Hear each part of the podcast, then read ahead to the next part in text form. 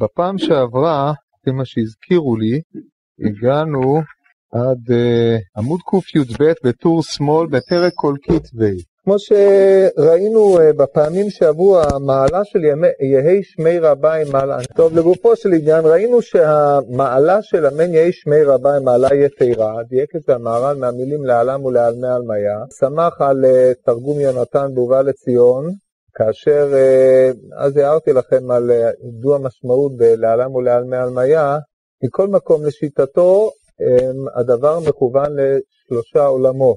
יש את העולם התחתון, עולם האמצעי והעולם העליון. החלוקה הזאת היא חלוקה שהייתה מקובלת על הקדמונים, היא החלוקה שמדברת על העולם הנברא. אנחנו, אצל האבן עזרא זה מופיע פירוש התורה, מופיע אצל אחרים, העולם התחתון, זאת אומרת גם בהבחנת החלוקה הזאת יש ניואנסים, אבל בגדול זאת לא החלוקה הקבלית. כנראה המהר"ל עושה בה שימוש מה, אבל קודם כל נעמיד את הדברים בצורתם הברורה. העולם שנקרא העולם שמתחת גלגל הירח, לפי אה, אה, מה שהיה מקובל, זה העולם שקראו אותו הקדמוני, העולם המתהווה והקלה, כמו שאנחנו מכירים את העולם בכללותו. העולם האמצעי היה עולם הגלגלים, דהיינו עולם של מערכת הכוכבים, שלפי תפיסת הקדמונים הוא עולם נצחי, קבוע, נפלה מחלוקת בין, בין הקדמונים, בין חכמי היוונים וגם בין חכמי ישראל, האם הכוכבים והמזלות יש להם דעה והשכל, כמו שנקט הרמב"ם, וכך כנראה נקטו תלמידי אריסטו והכיוון הערבי, או שמא הם כדורי אש בלבד, וככה עולה מפורש מדברי חובות הלבבות.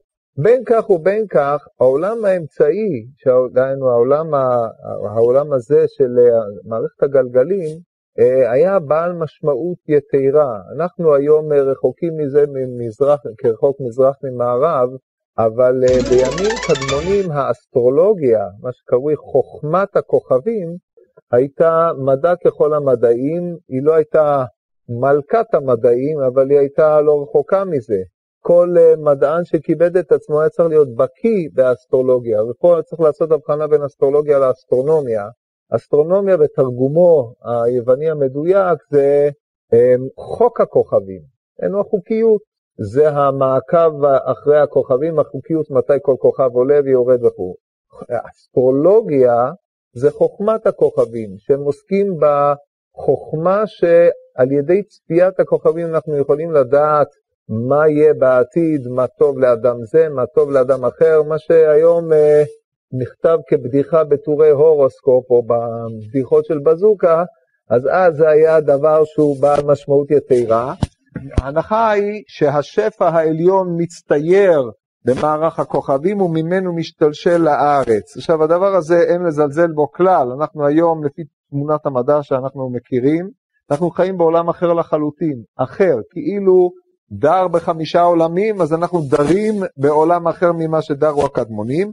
העולם הזה הוא נקרא עולם האמצעי, הוא עולם מאוד מאוד חשוב, אין לנו, אנחנו יכולים להשפיע עליו באופנים מסוימים לפי תפיסות אה, אלו ואחרות, זה יותר קרוב לעבודה זרה, במערכת הטליסמאית שאתה אה, עובד לכוחה ומוריד ממנו שפע, כל תפיסת האלילות חייבת להניח אסטרולוגיה, בלי זה אי אפשר להבין מהי עבודה זרה לאשורה. ומעל העולם הזה יש את העולם העליון. כאשר אצל אבן עזרא העולם העליון הוא עולם המלאכים, הוא עולם השכלים הנבדלים. זה גם, הדיכוטומיה הזאת קיימת אצל הרמב"ם, או זה לא דיכוטומיה, זה חלוקה לשלוש. החלוקה הזאת קיימת אצל הרמב"ם, העולם התחתון, עולם הגלגלים, והעולם העליון הוא נקרא עולם השכלים הנבדלים. מי שאי פעם עיין במורה נבוכים, רואה את הדברים האלה, והוא הדין לגבי כל הקדמונים. בקבלה, הדבר הזה עבר שדרוג. גם חכמי הקבלה התבססו על תמונת העולם הגיאוצנטרית, הכדורית, כמו שהרמב"ם תיאר אותה בפרק ב' מהלכות יסודי התורה ב' ג', אבל אצלם הדבר מקבל מערכת מונחים אחרת לחלוטין. אנחנו מדברים על עולם העשייה, כאשר עולם העשייה זה העולם שנתפס בחוש. מבחינה זו גם מערכת הכוכבים כלולה בעולם הזה.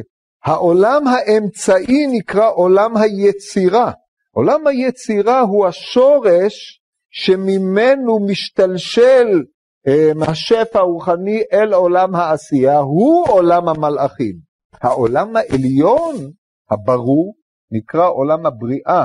דיברתי על זה פעם או פעמיים, אני מניח פה, אבל אנחנו צריכים את זה בשביל אה, דברי המהר"ל, וכדי שלא נחזור על קטעים קודמים, אז אני עכשיו מציע לכם את הדבר הזה, וחשוב שתבינו שיש הבחנה בין מה שאתם תקראו בספרות, אם אתם לומדים טניה או נפש החיים או כל ספרות קבלית אה, פופולרית, אפילו יותר אה, מתקדמת כמו בעל הלשם וספרים כאלה, רמח"ל, כלך פתחי חוכמה וכן הלאה, דיר במרום, ההבחנות הללו הן הבחנות יסוד בין התפיסה של מה שאנחנו קוראים הפילוסופית לבין התפיסה של המקובלים.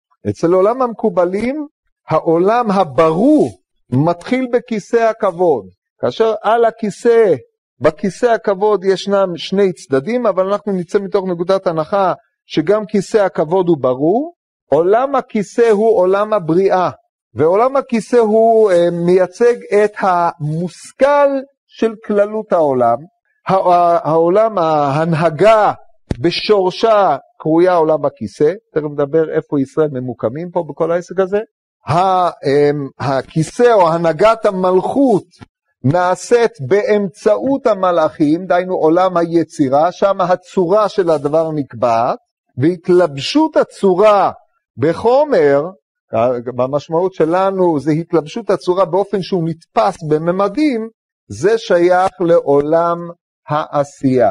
זאת ההבחנה שמקובלת, אה, הבחנה במקובלים, וזאת הבחנה שאומרת יסוד דברי המהר"ל. לכן אף על פי שיש פה דמיון בחלוקה המשולשת הזאת, כמו שאמרתי, המקובלים הקפיצו את כל המערכת הרבה מעבר למה שהיה בעולם הפילוסופים. אמרו גם כן, מבחינה זאת צריך לדעת ולהבין שעולם היצירה, עולם המלאכים לצורך העניין הזה, נקודה קטנה בו היא, היא אינסופית ביחס לעולם העשייה. כאשר עניין, עניין אלוקי משתלשל מן העולם העליון, מהעולם הכיסא, דרך עולם היצירה אל עולם העשייה, הוא לא יכול להיות בעולם העשייה בלא המלבוש המתאים לאותו עולם. כאשר מלאכים יורדים מן השמיים כמו שם חזאי וחזאי לגמר במסכת יומא, ומופיע במדרש, בבראשית רבה, שירדו לעולם, הם צריכים להתלבש בלבוש המתאים לאותו עולם. וכדרך שאדם עוזב את העולם הזה ועובר uh, לעולם האמת, הרי הנשמה שלו צריכה לבוש כדי לעמוד באותו עולם. עכשיו, מה, מה נפקא מילה לענייננו? שהעולם היצירה הוא אינסופי ביחס לעולם הזה. כן, קל להבין את זה במושגים, אה, אתן לכם משל מפילוסופי מפורסם, שנתן אותו איזה מאן דהוא, לא משנה מי. נניח שהייתם חיים בעולם דו-ממדי, אני חושב שאמרתי לכם גם את המשל הזה, וזה יבהיר לכם את זה טוב, ייתן לכם גם חומר למחשבה.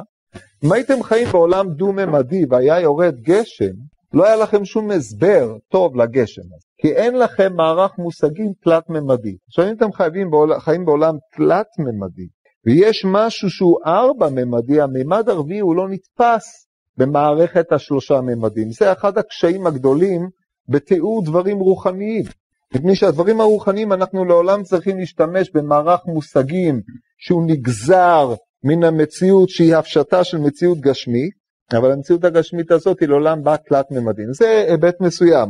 פה במאמר מוסגר, כבר אני חייב להזכיר את זה, יש הבדל גדול בין, בתורת השפה בין הרמב"ם לשלה, שלה הוא מייצג את עולם המקובלים, שהרמב"ם טוען שהשפה, מלבד זה שהוא טוען שהשפה היא הסכמית, כן, אה, לשון הקודש וכולי, הוא לא, אין התייחסות שם לעניינים הללו, חוץ מהטענה שלו במורה ג'-ח' שאין בה כינוי לאברי המשגל, הרי שהרעיון הוא שהשפה היא אה, הלבשה על אה, עולם המוחשות, בעוד שאצל השלה, לשון הקודש היא השתלשלות מן מהצורות העליונות הטהורות והתלבשות בתוך ענייני עולם הזה. כן, יש פה שני כיוונים, אחד מלמטה למעלה ואחד מלמעלה למטה. שוב, זה סוג של התלבשות. עכשיו נחזור לענייננו. אם כן, אה, כשאנחנו מדברים על העולם, עולם היצירה שנכנס לעולם העשייה, יש לנו בחינה, אנחנו איננו יכולים לתפוס מעולם היצירה מפני שהוא אינסופי ביחס לעולם היצירה, הוא חייב להתלבש במושגים של עולם העשייה כדי um, שיהיה מובן לנו, כן? זה הדבר האחד, והוא הדין לגבי עולם הבריאה ביחס לעולם היצירה. עכשיו שראינו את כל החלוקה הזאת, איפה ממוקמים ישראל? ידוע חקירה מפורסמת, לא חקירה, מחלוקת מפורסמת מי גדול ממי. ישראל גדולים מהמלאכים או המלאכים גדולים מישראל. בנפש החיים בתחילתו כבר הביא את הדבר הזה דעת החוקרים ודעת המקובלים. מי גדול ממי? האדם, התעלותו של האדם היא כדי שהוא יהיה מלאך, לזאת שאיפתו, כמו שכותב הרמב"ם על משה רבנו עליו השלום, ונתקדש כמלאכים. אם כן, זה פסגת השאיפות של האדם. בלשון רע של התורה, אין האדם היה כאחד ממנו לדעת טוב ורע. זאת אומרת, האדם היה כאחד ממנו, דהיינו מן המלאכים, וכל זה לפני שהוא חתם, מאליו יובן שהשאיפה היא שאיפה להזדככות כמלאך.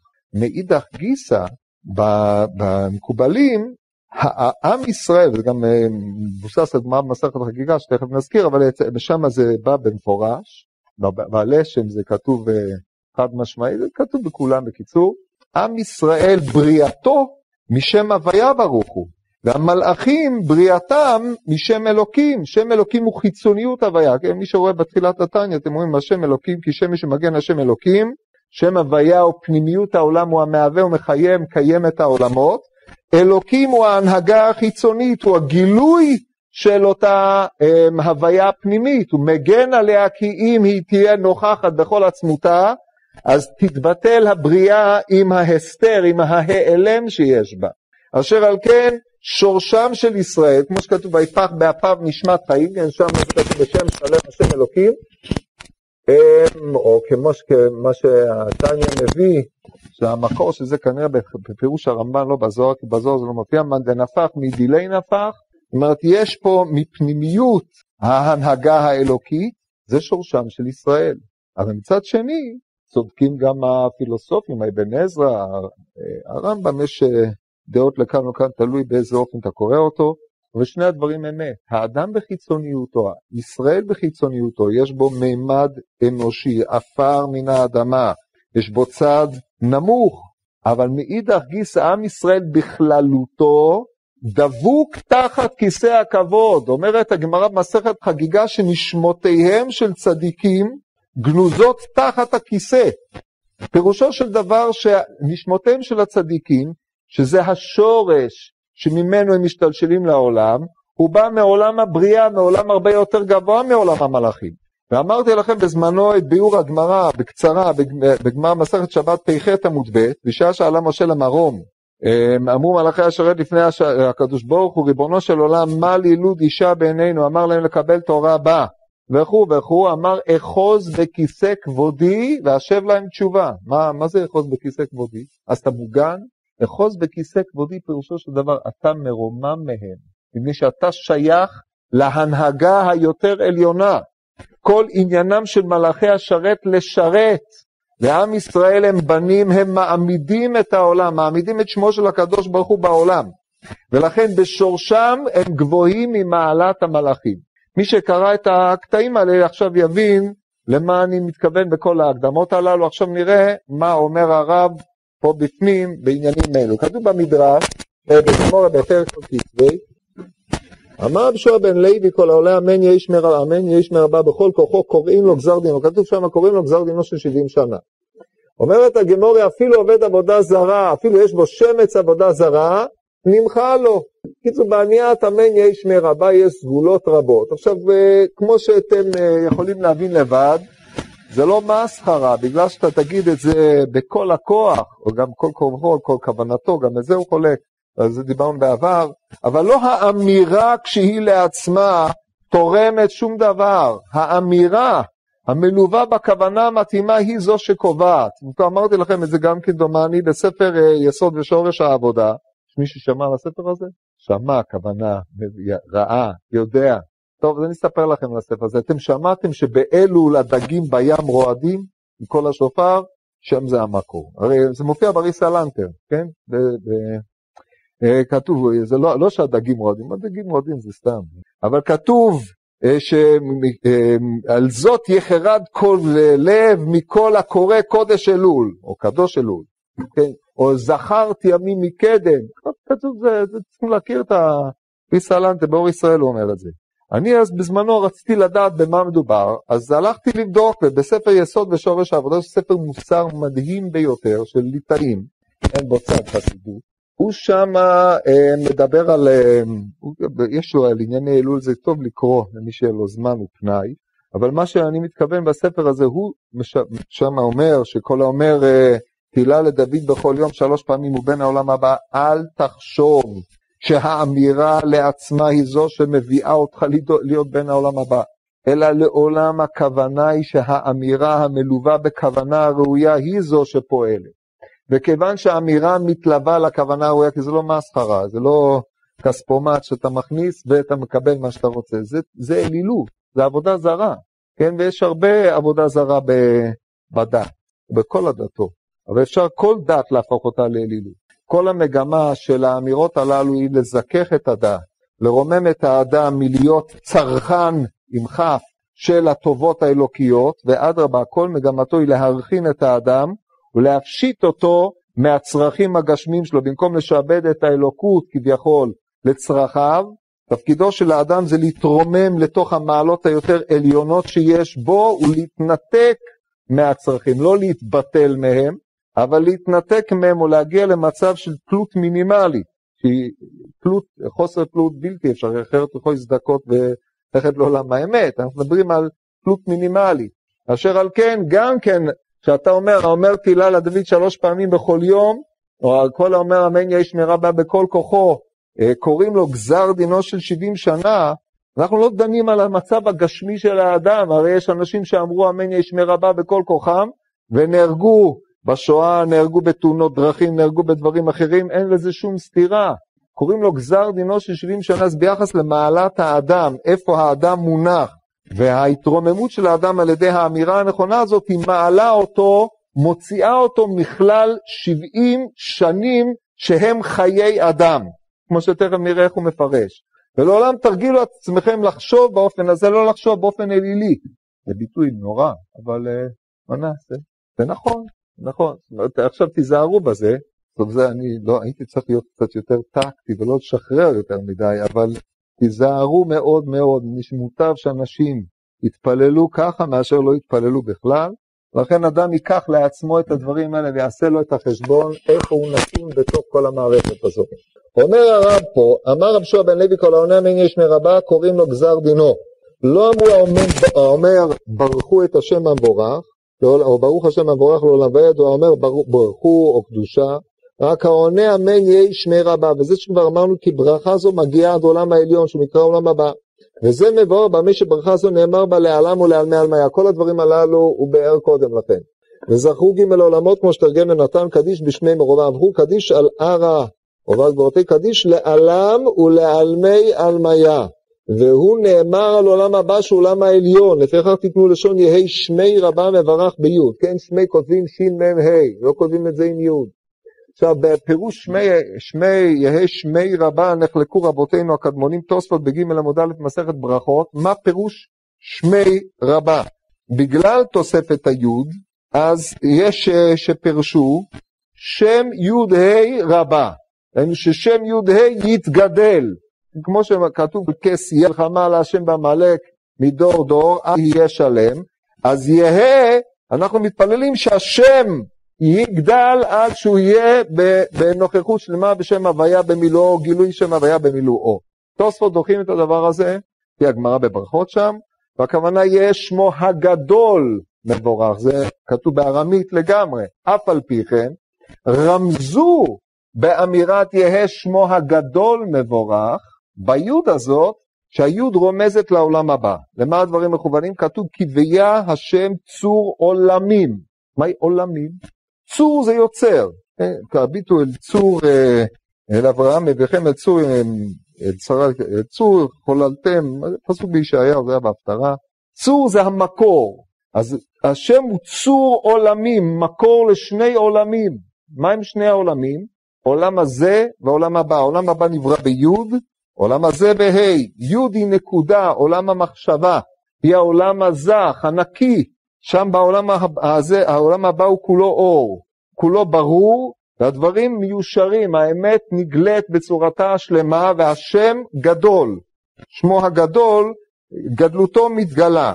העולם הזה יש בו בחינה של ה', יש בו צד של הסתר, שהוא מוטל על האדם לפתח אותו לאורך, לרוחב. היוד שבעולם הזה, היוד היא בתוך הדלת, ה' זה דלת יוד, או דלת ו', זה תלוי אם אתה קורא, אבל על כל פנים, הוא, אנחנו רואים את זה בתור יוד שבתוך הדלת, כאשר דלת מייצג את ממדי העולם הזה, הוא מסתיר על הנקודה הפנימית.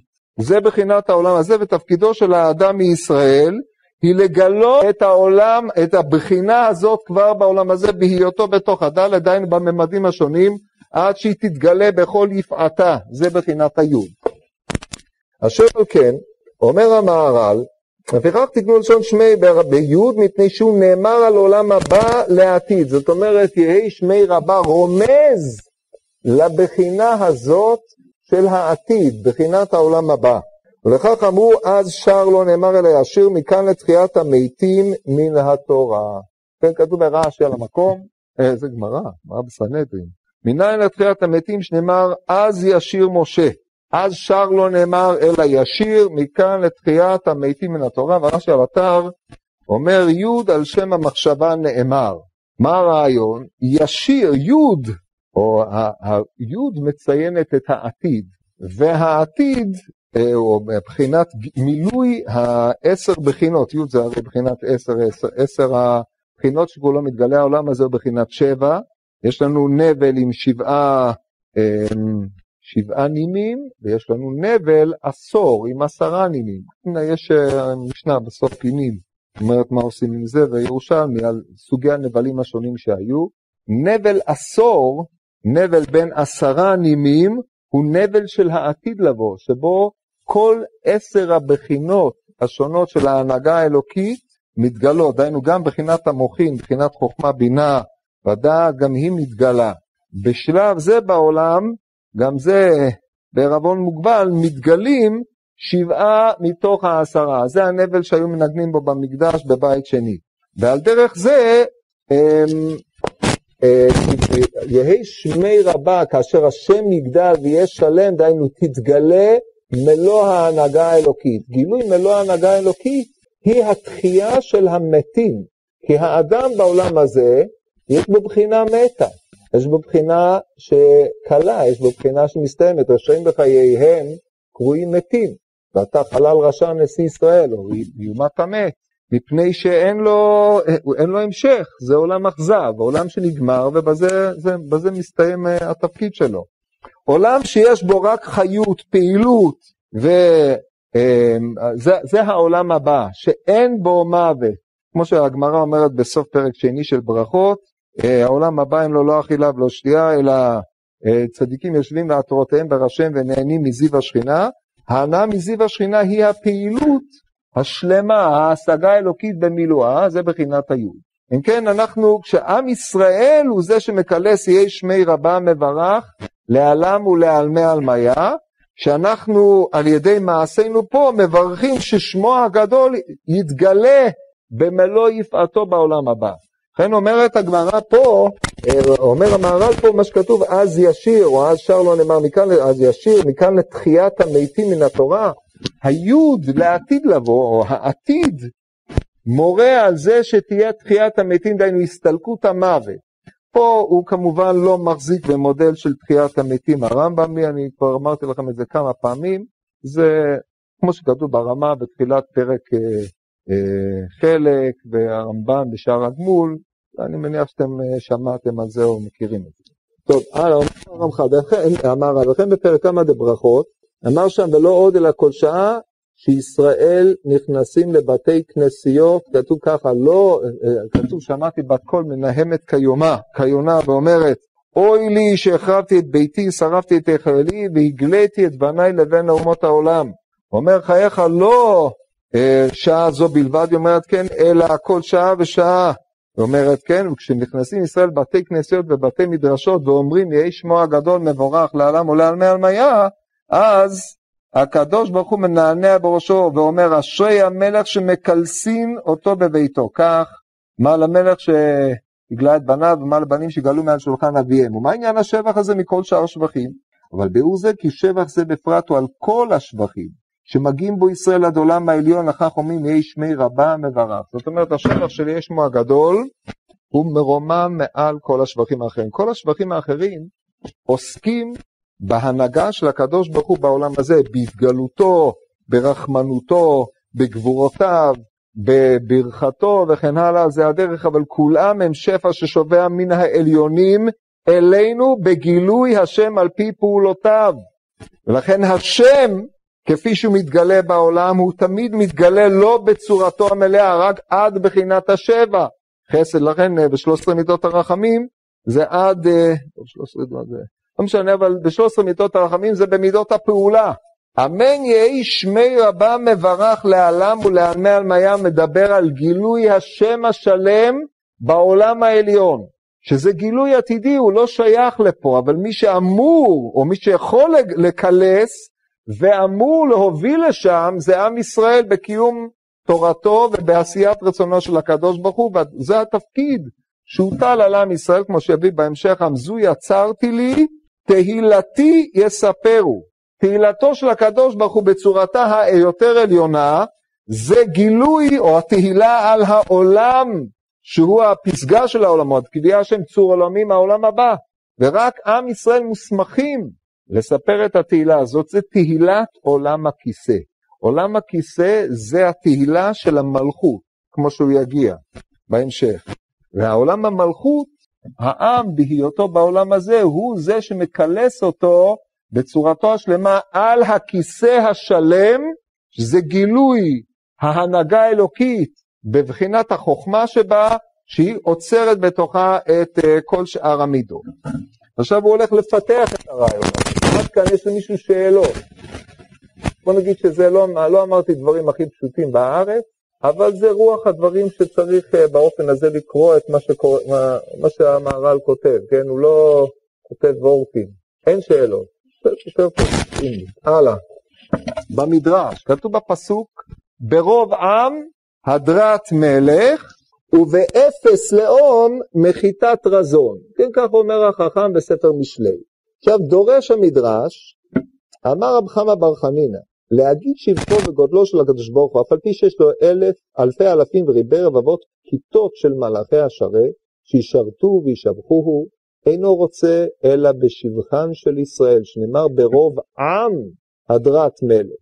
אין עם אלא ישראל, שנאמר עמזו יצרתי לי, תהילתי יספרו. ואמר רבי שמואל באותה שעה שומרים אגדה מפי חכם, ששומעים אגדה מפי חכם.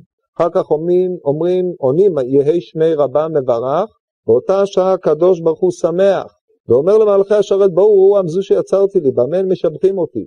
באותה שעה מלבישים הקדוש ברוך הוא הוד והדר, לכך נאמר ברובעם הדרת מלך. ובאפס לאום מחיתת רזון, יש פה טעות זה לא משנה. אם הפסיקו עצמן מדברי תורה, אף אני אפסיק מהם ראיות של תורה. רצה לומר, כי המלאכים אינם יכולים לשבח באמן יהי שמי רבה, רק ישראל אשר מעלתם מגיע עד העולם הבא, העולם העליון.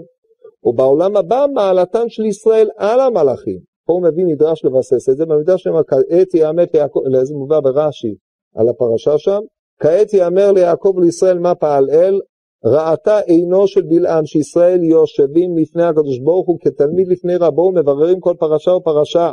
למה? וכן הוא אומר כי ליושבים לפני השם יהיה סחרה, לא ייכנף, ייכנף דהיינו יהיה מסותר, לא ייכנף עוד מורך, והיו עיניך רואות את מורך, ומלאכי השרת שואלים מה הורה לכם הקדוש ברוך הוא, לפי שאינם יכולים לכנוס למחיצתם, שנאמר כעת יאמר ליעקב וישראל מה פעל אל, יאמר על ידי המלאכים. ולפיכך השם מתברך, מקבץ המלאכים ואומר ראו שבח זה שמשבחים אותי בעולמי, אשר שבח זה מגיע אל מדרגה ומעלה אשר אי אפשר להגיע שם המלאכים. ויפה אמרו המפורשים שלכן תקנו השבח הזה בלשון ארמי, שלא יקנו בנו המלאכים. טוב, נגיע על זה תכף.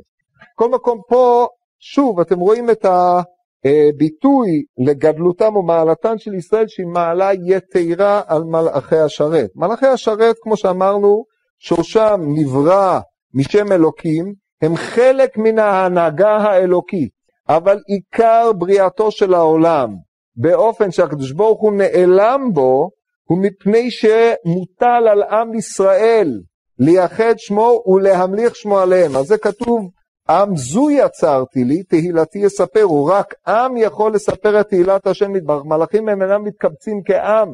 עם זה, זה עם שהם אלה שהמתקבצים יחד כדי להמליך עליהם מלך. זה גדר מלך. מלך שנמלכו והמליכו אותו עליהם. כביכול הקדוש ברוך הוא מנהל את עולמו בצורה שהיא, אה, יש בה שתי בחינות, יש בחינה אחת שהוא אדון עולם אשר מלך בטרם כל יציר נברא, הוא מלך עוד לפני שיש יציר נברא, מאידך גיסא מלכותו איננה מתגלה אלא על ידי עם ישראל שהם הממליכים אותו. או כמו שהוא אומר, ברוב עם הדרת מלך, דהיינו הדרו של מלך באשר הוא מולך, מתגלה על ידי העם עצמו. עם ישראל הוא העם. עם האדמו"ר הזקן אומר עם מלשון עוממות. עוממות דהיינו גחלים כבות, לא כבויות, אלא כבות. צריכים להפיח בהם רוח כדי להחיותם. אבל על כל פנים הם, זה, זה תכונת העם. יש בו צד עומם, צד כבד, צד מתעלם, ויש בו צד מתגבש, או צד מתחבר כדי שיבוא המלך וימלוך עליהם. הקדוש ברוך הוא מסר את הנהגת העולם לעם ישראל, על פי, על פי מה שעם ישראל נוהגים, המלאכים נוהגים. זאת הנקודה היותר משמעותית, כמו שכתוב במדרש בשיר השירים על אה, יונתי תמתי, מובא בספר נפש החיים, תמתי תאומתי. כמו שאנחנו עם הקדוש ברוך הוא, ככה הקדוש ברוך הוא איתנו, כמו שהוא מביא פה במדרש. ולכן גילוי ההנהגה האלוקית נעשה על ידי עם ישראל, זה כאשר מדובר על גילוי, אה, גילוי פעולותיו, אבל מתוך כך מובן שגילוי שמו השלם, גם הוא תלוי בעם ישראל, במידה, עד מידה מסוימת. ומאחר ש, שכך, שעם ישראל בהיותו עם הממליך, שורשו תחת הכיסא. ולכן מעלתו מעלה יתרה על מעלת המלאכים. עכשיו כל זה מדבר על העם בכללו, אבל כשאנחנו מדברים על הפרט, אדם מישראל, יש אנשים מישראל שירדו לדיוטה התחתונה, כמו ש... אדם יכול להיות גרוע מן החיה, רע יותר מכל, אה, כמו שכתוב המשיל את אומות העולם, אה, נמר זאב, ערבות ישודדם, נמר שוקד על עריהם, הרמב"ם הרי ככה כותב על אה, אומות העולם שהם בחינת חיות רעות, אז גם אדם מישראל יכול להיות חיה רעה, כאשר הוא יכול, היהודי, בגלל שיש בו מעלה יתרה, הוא יכול באמצעותה להגיע למדרגות גרועות הרבה יותר מאשר אומות העולם. ואנחנו יודעים על מעשים אלה ואחרים, אבל זה במישור הפרט.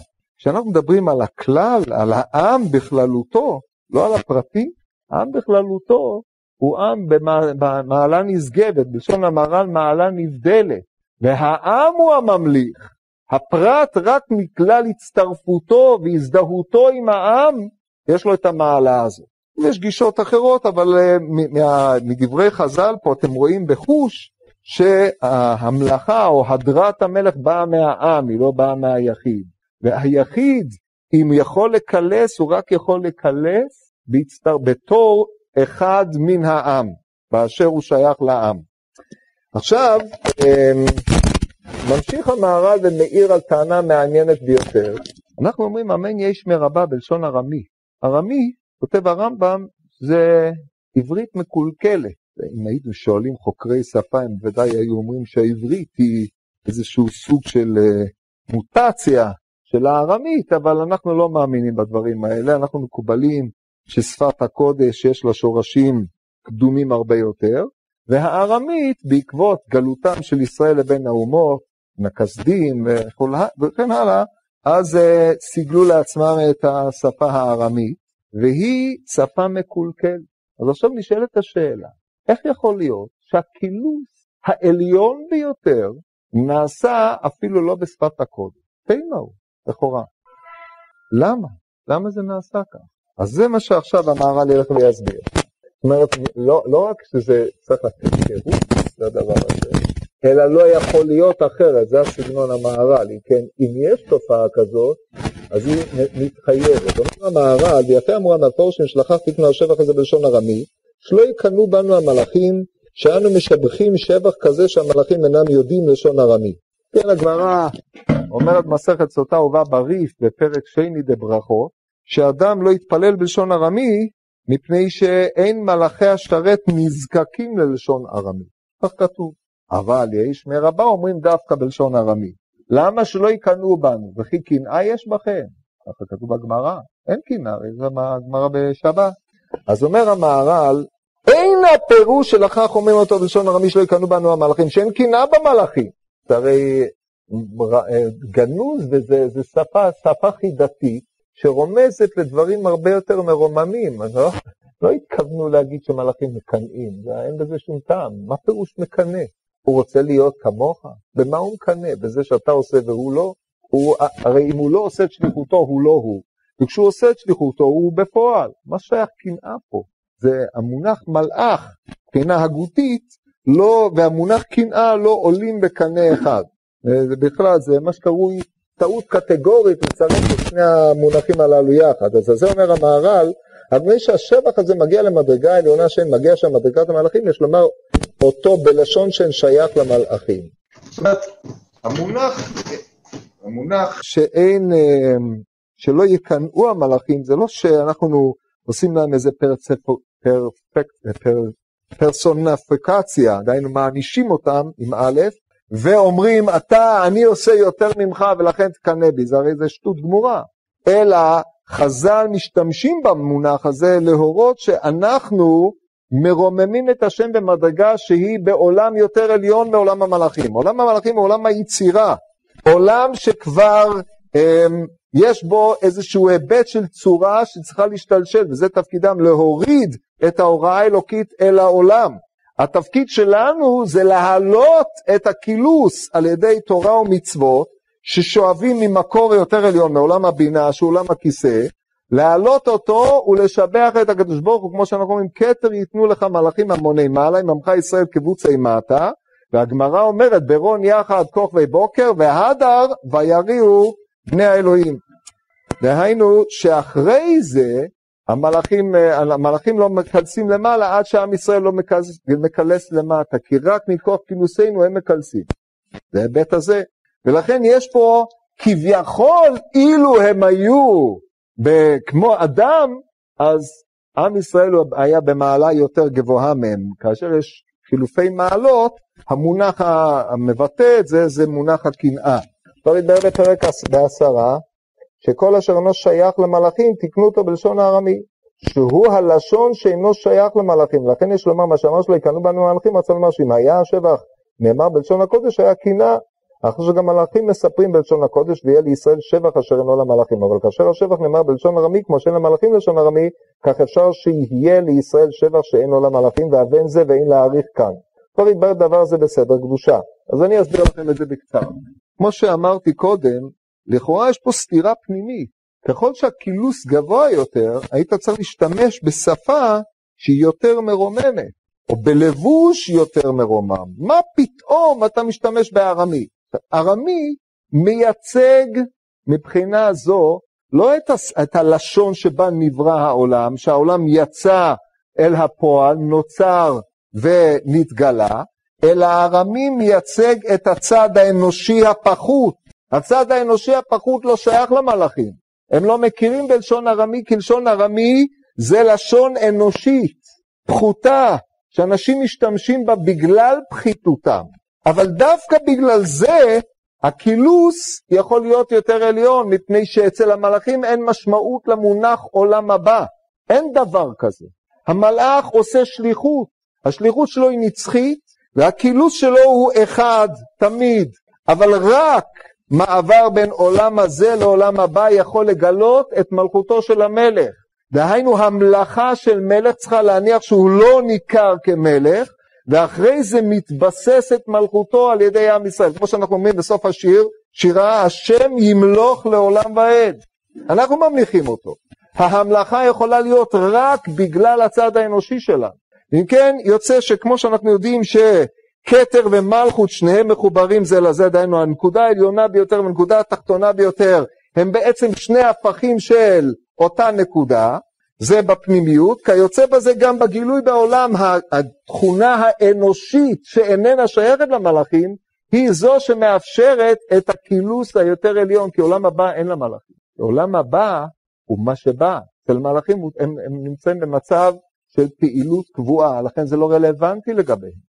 יוצא שדווקא מן הפחת, מן הפחיתות, מתגלה המעלה היותר עליונה. וזה, אז זה הסגולה של ישראל. ישראל יש להם בחינה עליונה, נשמותיהן חצובות מתחת כיסא הכבוד, אני צריך לסיים? טוב, עוד uh, משפט אחד. נשמותיהם חצובות מתחת לכיסא מצד אחד, וגופם נמצא בתחתית העשייה בצד שני, עם יצרים יהודים שהם, uh, יש הרבה מה לדבר על זה. זה עם ישראל בכללותו. אז זה מה שאמרתי לכם קודם, יש להם שני כתבים, ולכן דברי שני ה... אלה שחלקו בהם אמת. עד כאן.